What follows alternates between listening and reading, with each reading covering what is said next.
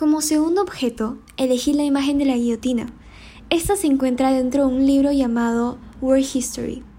La imagen representa la famosa máquina que se usaba en París en el siglo XVIII para decapitar a las personas que se les había condenado a muerte.